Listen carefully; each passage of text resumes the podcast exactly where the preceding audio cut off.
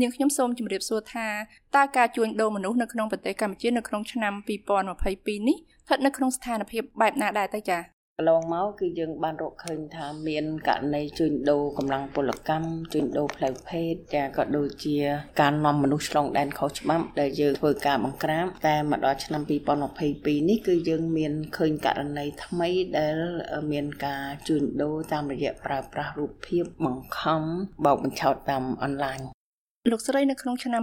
2022នេះតើការជួញដូរមនុស្សមានការកើនឡើងឬក៏យ៉ាងណាដែរបើប្រៀបធៀបទៅនឹងឆ្នាំ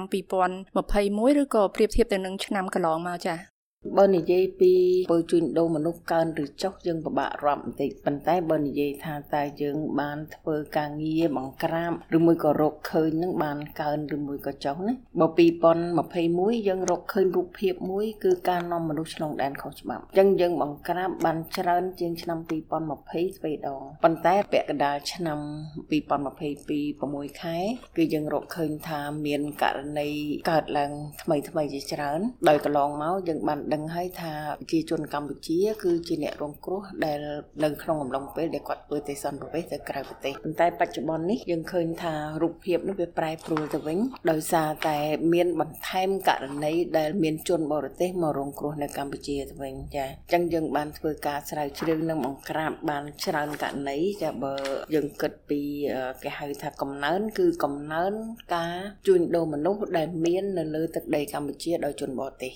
កំណើនការជួញដូរជនបរទេសមកលើទឹកដីកម្ពុជានេះដោយសារមូលហេតុអ្វីលោកស្រីចា៎ កន្លងមកមានជនជាតិកម្ពុជាធ្វើការងារនៅក្រៅប្រទេសដោយលើកឡើងថាអត់មានការងារនៅក្នុងស្រុកច្រើនចាអញ្ចឹងយើងបានព្យាយាមបើកឱកាសឲ្យមានការវិនិយោគក៏ដូចជាមានការបង្កើតឡើងនៅការងារជាច្រើននៅក្នុងស្រុកដើម្បីស្រូបយកកម្លាំងពលកម្មប៉ុន្តែទីបំផុតគឺមានលក្ខកំបាំងនៅរូបភាពមួយគឺការប្រើប្រាស់ប្រព័ន្ធអនឡាញចាដើម្បីតាក់ទាញឲ្យពលករពីខាងក្រៅប្រទេសនឹងមកចូលធ្វើការនៅកម្ពុជាទៅវិញដោយប្រើរូបភាពបោកបញ្ឆោតថានៅកម្ពុជាមានប្រាក់ខែខ្ពស់ប៉ុន្តែនៅពេលណាដែលមកដល់មើលឃើញថាការងារនេះគឺជារឿងទុច្ចរិតគឺជារឿងដែលបង្ខំពួកគាត់ចង់ចេញទៅវិញក៏ចេញអត់បាន គឺគេត្រូវឲ្យយកលុយមកលួសចាឬមួយក៏ឲ្យរោអ្នកថ្មីមកជំនួសអីចឹងបើសិនជារោមិនបានទេនឹងគេធ្វើទនកម្មឡើងដាក់ចានេះគឺជារូបភាពថ្មីដែលយើងមិនដែលមានទេកន្លងមកតើការជួញដូរមនុស្សនៅក្នុងប្រទេសកម្ពុជាធ្វើឡើងតាមរបៀបណាខ្លះដែរទេលោកស្រីចា៎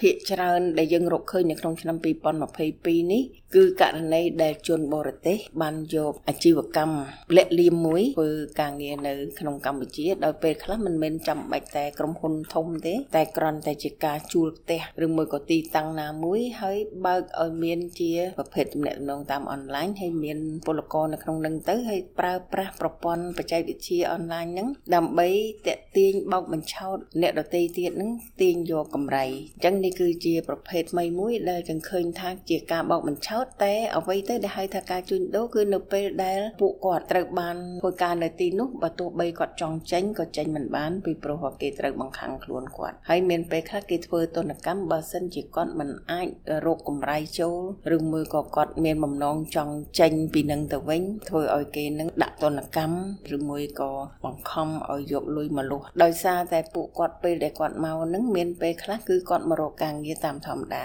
ប៉ុន្តែដល់ពេលមកដល់ការជំរឹះរបស់គាត់នៅក្នុងការធ្វើការងារនេះវាពាក់ព័ន្ធជាមួយនឹងអំពើទុច្ចរិតរបស់អ្នកបង្ខំខ្លួនគាត់អញ្ចឹងគាត់คล้ายទៅជា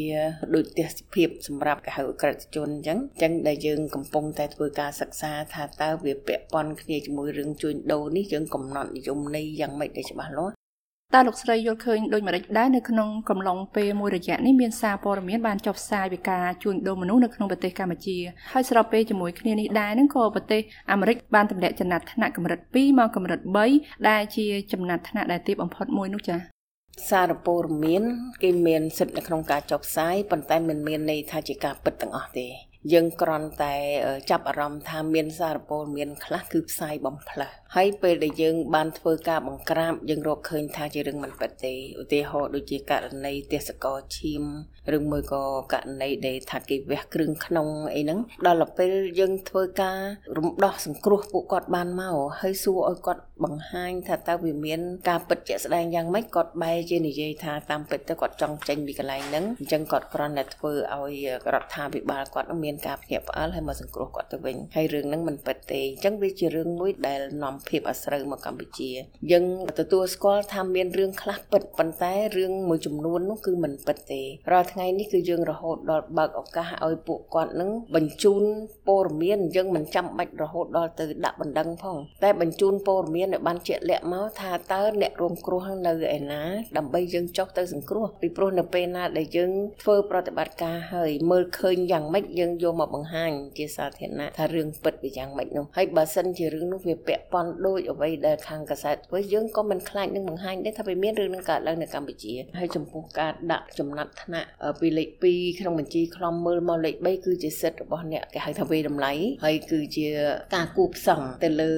បទល្មើសដែលពួកគាត់រកឃើញចាប៉ុន្តែចំពោះយើងខ្ញុំដែលជារាជរដ្ឋាភិបាលដែលយើងខំប្រឹងប្រែងយើងដឹងហើយថាតើយើងបានធ្វើស្អីខ្លះសូម្បីតែក្នុងដំណាក់កាលនៃ COVID-19 ក៏យើងអត់មានបានឈប់ដែរហើយយើងបង្ក្រាបទាំងករណីដែលកើតមាននៅក្នុង COVID-19 នឹងទៀតហើយបានច្រើនទៀតផងប៉ុន្តែរឿងដែលថ្មីរឿងអនឡាញឯហ្នឹងគឺជារឿងដែលយើងគ្រប់គ្រងអត់បានពីមុនមកហើយយើងអត់ដឹងហើយនៅពេលដែលយើងដឹងយើងក៏ចាប់ផ្ដើមបង្ក្រាបហើយបើសិនជាប្រទេសដែលបានដឹងឬមួយក៏អាជ្ញាធរឬសមត្ថកិច្ចនៃប្រទេសពាក់ព័ន្ធណាបានដឹងយើងសហការជាមួយគ្នានៅក្នុងអំឡុងពេលនេះតើក្រសួងមានបង្កើនឬក៏មានវិធានការអ្វីបន្ថែមនៅក្នុងការទប់ស្កាត់ការជួញដូរមនុស្សឬក៏បង្ខាំងមនុស្សខុសច្បាប់ដែរឬទេលោកស្រីចា៎ យើងបានដាក់ចេញនៅវិធានការប្រតិបត្តិការចានៅក្នុងការបង្កើនការប្រឆាំងការជួញដូរមនុស្សដែលធ្វើទ្រង់ទ្រាយធំមួយនៅទូទាំងប្រទេសអញ្ចឹងមុនដំបូងយើងគិតថាយើងនឹងដើរធ្វើការងារនេះនៅគ្រប់មូលដ្ឋានប៉ុន្តែចាប់ផ្ដើមពីអ្វីដែលមានជារបាយការណ៍ឬមួយក៏ជាការចង្អុលបង្ហាញពីជនរងគ្រោះឬមួយអ្នកដែលដឹងការពិតនោះអញ្ចឹងថាយើងមានគេហៅប្រព័ន្ធដែលទទួលព័ត៌មាននឹងមានទាំងគេហៅថា website របស់សម្ដេចក្លាហោមហើយក៏មាន page របស់ខាងអគ្គលេខាធិការឋានគណៈកម្មការជាតិប្រយុទ្ធចាំងពុយជួញដូរមនុស្សមានទាំងរបស់អគ្គស្នងការដ្ឋាននគរបាលជាតិឬមួយក៏តាមបណ្ដាខេត្តចាចូលទៅក្នុងប្រឡោះណាគឺយើងយកមកចាត់ការដែរអញ្ចឹងរហូតមកដល់ពេលនេះយើងបានឃើញថាមានទាំងស្ថានទូតក៏ដូចជាអង្គការមួយចំនួនហើយនឹងមានជនរងគ្រោះខ្លះក៏បានផ្ញើព័ត៌មាននឹងបញ្ចូលមកគេហៅថា website ទាំងអស់នោះដែរ ការដែលក្រសួងបង្កើនឬក៏មានវិធានការបន្ថែមនៅក្នុងការទប់ស្កាត់ការជួញដូរមនុស្សនិងបង្ខាំងមនុស្សខុសច្បាប់នេះក៏ដោយសារតែមានសារព័ត៌មានចុះផ្សាយពីការជួញដូរនិងអាមេរិកបានទម្លាក់ចំណាត់ថ្នាក់កម្រិត2មកកម្រិត3ឬក៏យ៉ាងណាដែរចា៎ យើងបានធ្វើប្រតិបត្តិការនឹងជាបណ្ដាបណ្ដាហើយតាំងពីមុនដែលមានគេហៅថាការផ្សព្វផ្សាយនឹងម្លេះប៉ុន្តែកន្លងមកយើងអត់បានរកឃើញថាវាជាករណីជួញដូរមនុស្សពិតប្រាកដទេហើយនៅពេលដែលយើងឃើញមានការផ្សព្វផ្សាយក៏ដូចជាការទម្លាក់ចំណាត់ថ្នាក់រឹតតែធ្វើឲ្យយើងនឹងមានការចាប់អារម្មណ៍កាន់តែខ្លាំងបានន័យថាវាហាក់ដូចជាប្រមូលផ្ដុំក្នុងពេលតែមួយពីបណ្ដាកាសែតឬមួយក៏គេហៅថាប្រព័ន្ធផ្សព្វផ្សាយព័ត៌មានដែលនាំគ្នាចង្អុលមកលើតែកម្ពុជាប៉ុន្តែខ្ញុំខ្ញុំសូមជម្រាបជូនថាអ្វីដែលយើងធ្វើនេះគឺធ្វើដើម្បីស្វែងរកការពិតថាតើករណីដែលកើតមាននៅកម្ពុជានឹងវាមានទំហំប៉ុណ្ណាឬមួយក៏វាជាករណីអីខ្លះហើយវាមានមូលហេតុអីពិតប្រាកដពីព្រោះនៅពេលដែលមានជនបរទេសចូលមកធ្វើការនៅស្រុកខ្មែរឬមួយក៏ចូលមកដោយខុសច្បាប់ឬមួយក៏ដោយស្របច្បាប់ឬដោយលាក់កំបាំងហើយយ៉ាងណានោះវាជាការទទួលខុសត្រូវរួមគ្នាចាជាមួយនឹងបណ្ដាប្រទេសពាក់ព័ន្ធដែរដែលយើងចាំបាច់ត្រូវធ្វើការដោយសហការគ្នាដែលយើងមិនអាចចង្អុលថាគឺជាកំហុសរបស់ប្រទេសណាមួយទេអញ្ចឹងហើយបានជា ចំពោះពួកយើងខ្ញុំតែងតែសហការជាមួយនឹងបណ្ដាដៃគូគេហៅថាស្ថានទូតនៃប្រទេសពាក់ព័ន្ធក៏ដូចជាសមត្ថកិច្ចនៃប្រទេសពាក់ព័ន្ធរហូតដល់អង្គតេពលដែលយើងធ្វើការរួមគ្នាដោយសារតែអ្នកដែលមករងគ្រោះគឺជាជនបរទេសហើយក្រតកម្មនឹងគឺធ្វើឡើងដោយជនបរទេសតែយកទឹកដីកម្ពុជាជាកន្លែងប្រព្រឹត្តហើយដោយបង្កប់នៅក្នុងគេហៅថាអាជីវកម្មឬមួយក៏នៅក្នុងទីតាំងសាមញ្ញចាដែលយើងមើលមិនដឹងថាវាជាបទល្មើសដោយសារតែធ្វើតាមប្រព័ន្ធអនឡាញដែលកម្ពុជាម្នាក់ឯងមិនអាចគ្រប់គ្រងបានទេចាហើយក្នុងនោះគឺមានទាំងជនដែលជាមេខ្យល់ចានៅតាមបណ្ដាប្រទេសហើយយើងក៏បានឃើញដែរថាការផ្សព្វផ្សាយរបស់បណ្ដាប្រទេសគេក៏តាមរកចាប់ខ្លួនមេខ្យល់ដែលនៅក្នុងប្រទេសគាត់ដែរអញ្ចឹងមានន័យថាម៉េចមានន័យថាអ ுக ្រិតកម្មជួញដូរមនុស្សនឹងគឺជាអ ுக ្រិតកម្មដែលមានអង្គការចាត់តាំងឲ្យឆ្លងដែនពីប្រទេសមួយទៅប្រទេសមួយអញ្ចឹងប្រទេសទាំងឡាយដែលពាក់ព័ន្ធគួរតែរួមគ្នារួមចំណែកទទួលខុសត្រូវអញ្ចឹងឥឡូវនេះអ្វីដែលជាការងាររបស់យើងនឹងគឺយើងមានផែនការប្រចាំឆ្នាំរបស់យើងយើងក៏មានផែនការយុទ្ធសាស្ត្ររបស់យើងថារដ្ឋាភិបាលកម្ពុជាដែលរួមជាមួយនឹងអង្គការដៃគូរួមទាំងសហរដ្ឋអាមេរិកដែរនោះចាដែលហៅថា USAID ចាតាមរយៈអង្គការវិនរកយើងកំពុងតែធ្វើការជាមួយគ្នាហើយយើងបានធ្វើការសហការជាមួយអង្គការដៃគូជាច្រើនអញ្ចឹងវាជារឿងដែលត្រូវតែមានការអនុវត្តនៅបច្ចេកវិទ្យាខ្ពស់ដែលយើងបាននឹងកំពុងតែសហការជាមួយនឹងគេហៅថាអ្នកដែលមានជំនាញបច្ចេកទេសដើម្បីធ្វើការជាមួយគ្នាហើយក៏សូមឲ្យស្ថានទូតក៏ដូចជាបណ្ដាប្រទេសនានារួមចំណែកទទួលខុសត្រូវនៅក្នុងការការពារក៏ដូចជាជួយគ្រប់គ្រងនៅលើប្រតិបត្តិការនេះជាពិសេសចំពោះជនជាតិរបស់គាត់ចាស់ដែលបានមករងគ្រោះនៅកម្ពុជានេះហើយក៏សូមឲ្យធ្វើការផ្សព្វផ្សាយនៅតាមបណ្ដាប្រទេសរៀងៗខ្លួននឹងអំពីការពិតថាពួកគាត់ត្រូវតែប្រុងប្រយ័ត្នខ្លួនឯងកុំឲ្យចាញ់បោកជនល្មើសចាពីព្រោះជនល្មើសមានគ្រប់ល្បិចកលប៉ុន្មានឆ្នាំចុងក្រោយនេះគេសង្កេតឃើញថាប្រទេសកម្ពុជាបានក្លាយជាប្រទេសដែលគោលដៅនៅក្នុងការជួញដូរនិងបង្ខាំងមនុស្សខុសច្បាប់ផងដែរតើលោកស្រីយល់ឃើញដូចម្តេចដែរចំពោះបញ្ហានេះចា៎ យើងអាចនិយាយបានអញ្ចឹងបែបដូចខ្ញុំនិយាយអញ្ចឹងថានៅពេលដែលយើងរកឃើញអានឹងមានន័យថាគេកំពុងតែផ្ដោតតម្រង់មកកម្ពុជានឹងហើយហើយយើងក៏បាននឹងកំពុងតែធ្វើការនឹងហើយហើយយើងក៏អរគុណដែរចានៅពេលដែលយើងបានទទួលព័ត៌មានហើយយើងបានធ្វើកិច្ចប្រតិបត្តិការយើងបានរកឃើញចានៅក្នុងករណីមួយចំនួន ដែលចង់មិនចង់គឺយើងនឹងអាចទប់ស្កាត់មិនឲ្យករណីនេះវារីកធំធាត់តទៅទៀតចាហើយក៏អាច ចែករំលែកនៅបទពិសោធន៍ចំពោះប្រទេសដទៃត្រូវការការប្រុងប្រយ័ត្នដូចគ្នាពីព្រោះកន្លងមកប្រជាពលរដ្ឋកម្ពុជាទៅរងគ្រោះនៅឯប្រទេសគេចានៅខាងក្រៅតែឥឡូវនេះក៏មានជនជាតិបរទេសមករងគ្រោះនៅកម្ពុជាដែរនេះបញ្ជាក់យ៉ាងច្បាស់ថាអំពើជួញដូរមនុស្សគឺជាអ ுக ្រិតកម្មឆ្លងដែនដែលយើងត្រូវតែប្រុងប្រយ័ត្នទាំងអស់គ្នាដោយមិនអាចចង្អុលដាក់គ្នាទៅវិញទៅមកបានទេប្រទេសកម្ពុជាក្លាយជាប្រទេសគោលដៅនៅក្នុងការជួញដូរនិងបង្ខាំងមនុស្សខុសច្បាប់នេះបណ្ដាលមកពីមូលហេតុអ្វីខ្លះដែរទៅចា៎ មូលហេតុសំខាន់នឹងគឺអ ுக ្រិតជនមានកលល្បិចហើយកលល្បិចនេះមិនដែលប្រាប់រដ្ឋាភិបាលឲ្យដឹងទេ ហើយគេមានបណ្ដាញដែលតាក់ទងគ្នាតាមបែបបច្ចេកវិទ្យាដែរ ហើយជារឿងដែលលំបាកនៅពេលដែលគេតាក់ទងគ្នាត្រឹមតែជាប្រព័ន្ធបណ្ដាញសង្គមឬមួយក៏ទូរស័ព្ទហើយដោយយើងអត់ឃើញមនុស្សដែលសូម្បីតែជនរងគ្រោះខ្លួនឯងនឹងពេលខ្លះក៏អត់ទាំងឃើញជនល្មើសនឹងមុខមិនផងអញ្ចឹងនៅពេលដែលយើងបង្ក្រាបសួរថាតើវាងាយស្រួលឬមួយក៏ពិបាកចាហើយបើសិនជាមនុស្សដែលជាជនអក្រិតនោះមិនមែននៅកម្ពុជាទៅទៀតតើយើងត្រូវធ្វើយ៉ាងម៉េចអញ្ចឹងហើយបានជាខ្ញុំចង់និយាយថាត្រូវតែប្រទេសពាក់ព័ន្ធទាំងឡាយចាប់ផ្ដើមពិនិត្យទៅលើអក្រិតជនដែលមាននៅក្នុងប្រទេសខ្លួនឯងផងដែរពីព្រោះវាមានបណ្ដាញពាក់ព័ន្ធហើយជះឥទ្ធិពលមកដល់កម្ពុជា ដែលយើង គឺជាប្រទេសមួយដែលរងគ្រោះដោយសារតែគេបានប្រើប្រាស់ទឹកដីកម្ពុជាធ្វើជាកន្លែងសម្រាប់ប្រព្រឹត្តបទល្មើសជាបទអក្រិតហើយទីបំផុតគឺភាពរងគ្រោះនេះធ្លាក់មកលើកម្ពុជាការជួញដូរមនុស្សនិងបង្ខាំងមនុស្សខុសច្បាប់នៅក្នុងប្រទេសកម្ពុជានឹងច្រើនកើតមាននៅតំបន់ណាខ្លះដែរទៅលោកស្រីចា យើងបានទទួលព័ត៌មានចាពីខាងបណ្ដាអ្នកផ្ដល់ព័ត៌មានចូលតាម web page ដែលខ្ញុំនិយាយហ្នឹងណាអញ្ចឹងក៏មានរកឃើញនៅក្នុងខេត្តមួយចំនួនឧទាហរណ៍ថាខេត្តប្រសេអនុចារាជធានីភ្នំពេញអាចថាស្វាយរៀងពោធិ៍សាត់មន្ទីរមានជ័យខេត្តកណ្ដាលមានន័យថាបើយើងឃើញនៅកន្លែងណា គឺយើងទៅរកកន្លែងហ្នឹង ចាចង់ត្រង់ថារោគទៅឃើញជនរងគ្រោះឬមិនឃើញជនរងគ្រោះឬមួយក៏សង្គ្រោះបានមកមិនមែនជាជនរងគ្រោះដោយអំពើជួញដូរមនុស្សក៏ដោយប៉ុន្តែយើងនៅតែស្វែងរកតាមការផ្ដល់ព័ត៌មានរបស់អ្នកដែលបានដឹងច្បាស់នឹងបើយើងដឹងថាអូបាត់ល្មើសនឹងមានកើតតែក្នុងកាស៊ីណូវាងាយស្រួលទេប៉ុន្តែវាមិនមែនបែបនេះទេវាប្រពបណ្ដាញអក្រិតជនគឺគាត់មានភាពឆ្លៀសវៃមួយគឺมันអាចឲ្យយើងតាមដានគាត់ងាយស្រួលទេអញ្ចឹងមានពេលខ្លះគាត់ជួលផ្ទះនៅកន្លែងខ្លះតែ2 3 4 5នាក់យើងគិតថាពួកគាត់គឺជាកម្មករជាពលករនៃគាត់មកធ្វើការនៅកន្លែងណាមួយអញ្ចឹងយើងអត់សូវចាប់អារម្មណ៍ទេតែការពិតគាត់កំពុងតែធ្វើអីនៅទីនោះយើងអត់ដឹងចា៎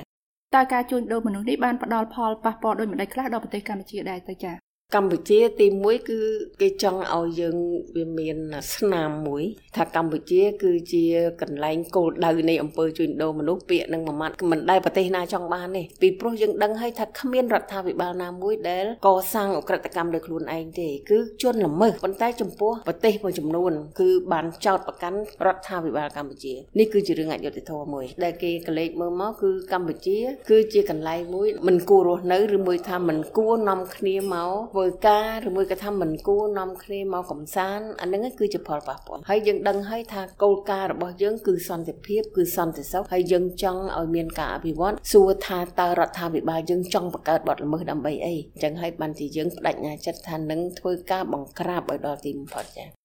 តើរដ្ឋាភិបាលកម្ពុជានឹងជួបការលំបាកអ្វីខ្លះនៅក្នុងការទប់ស្កាត់ការជួញដូរមនុស្សឬក៏បង្ខាំងមនុស្សនេះដែរចា៎ បទល្មើសនេះវាមិនមែនងាយស្រួលពេកទេនៅក្នុងការស្រាវជ្រាវរកដោយសារវាជាបទល្មើសដែលគូផ្សំជាមួយនឹងបទល្មើសបច្ចេកវិទ្យាអញ្ចឹងវាត្រូវការជំនាញបច្ចេកទេសទី2ទៀតគឺត្រូវការកិច្ចសហការជាមួយនឹងជនរងគ្រោះឬអ្នកដែលបានដឹង ហើយទី3ទៀតយើងចង់ឲ្យមានកិច្ចសហការជាមួយនឹងបណ្ដាប្រទេសពាក់ព័ន្ធចាដើម្បីឲ្យរួមចំណែកទទួលខុសត្រូវថារឿងនេះគឺជារឿងអ ுக ្រិតកម្មឆ្លងដែនវាមិនមែនជាបន្ទុករបស់រដ្ឋាភិបាលណាតែមួយទេហើយយើងក៏មានភាពប្រឈមមួយទៀតគឺអ ுக ្រិតជនមិនមែនមានតែនៅលើទឹកដីកម្ពុជាទេមានពេលខ្លះគឺគាត់មិនមានវត្តមាននៅទីនេះទេអានឹងហើយដែលយើងមានការលំបាក តើក្រសួងមានវិធានការទប់ស្កាត់យ៉ាងណាខ្លះនៅក្នុងករណីការជួញដូរមនុស្សនិងបង្ខាំងមនុស្សខុសច្បាប់នៅក្នុងប្រទេសកម្ពុជានេះចា៎ កម្ពុជាមិនដែលប្រងើយកន្តើយជាមួយនឹងការប្រឆាំងការជួញដូរមនុស្សរហូតដល់យើងបង្កើតគណៈកម្មាធិការមាន22ក្រសួងស្ថាប័ននៅជាមួយគ្នាហើយនឹងអង្គភាពជំនាញហើយធ្វើការតាំងថ្នាក់ជាតិដល់មូលដ្ឋាន យើងធ្វើការផ្អែកទៅលើយុទ្ធសាស្ត្រ4ចាំមានតាំងពីគេហៅថាការបង្ការទប់ស្កាត់រឿងដែលមិនតន់កើតយើងនាំគ្នាអប់រំសັບផ្សាយបង្ការទប់ស្កាត់ហើយបើសិនជារឿងនឹងកើតហើយយើងបង្ក្រាបហើយយើងក៏ត្រូវធ្វើកិច្ចសហការជាមួយនឹងបណ្ដាប្រទេសជាជាតិនិងអន្តរជាតិរហូតដល់ពិភពលោកលោកចាក៏ដូចជាគេហៅថាផ្ទៃក្នុងធ្វើយ៉ាងណាដើម្បីឲ្យអំពើជួញដូរមនុស្សត្រូវបានបង្ក្រាបអញ្ចឹងនេះគឺជាកិច្ចខិតខំប្រឹងប្រែងរបស់យើងរហូតមកការងាររបស់យើងគឺយើងមានរហូតដល់ផែនការ5ឆ្នាំផែនការប្រចាំឆ្នាំប៉ុន្តែសួរថាតើបទល្មើសថ្មីយើងដឹងមុនដែរអត់អញ្ចឹងអ្វីដែលជាភាពប្រឈមរបស់យើងគឺបទល្មើសដែលកើតឡើងថ្មីដូចខ្ញុំអំពាវនាវឲ្យអំពាវនាវទៀតថាបណ្ដាប្រទេសទាំងឡាយគឺត្រូវតែរៀនសូត្រពីកម្ពុជានេះថារឿងដែលវាកើតឡើងគឺអាចមាននៅក្នុងប្រទេសខ្លួនឯងដែរហើយយើងក៏អត់តន់ដឹងដែរថាអំណះតទៅទៀតវានឹងអាចមានរូបភាពអីទៀតដែលជនល្មើសបានបង្កឡើងចាពីព្រោះ បទល្មើសជួញដូរមនុស្សនេះមិននៅដដែលទេនាងខ្ញុំសូមអរគុណលោកស្រីដែលបានផ្ដល់កិច្ចសម្ភាសជុំវិញការជួញដូរមនុស្សនិងបង្ខាំងមនុស្សខុសច្បាប់នៅក្នុងប្រទេសកម្ពុជានាងខ្ញុំសូមជម្រាបលាអរគុណចា៎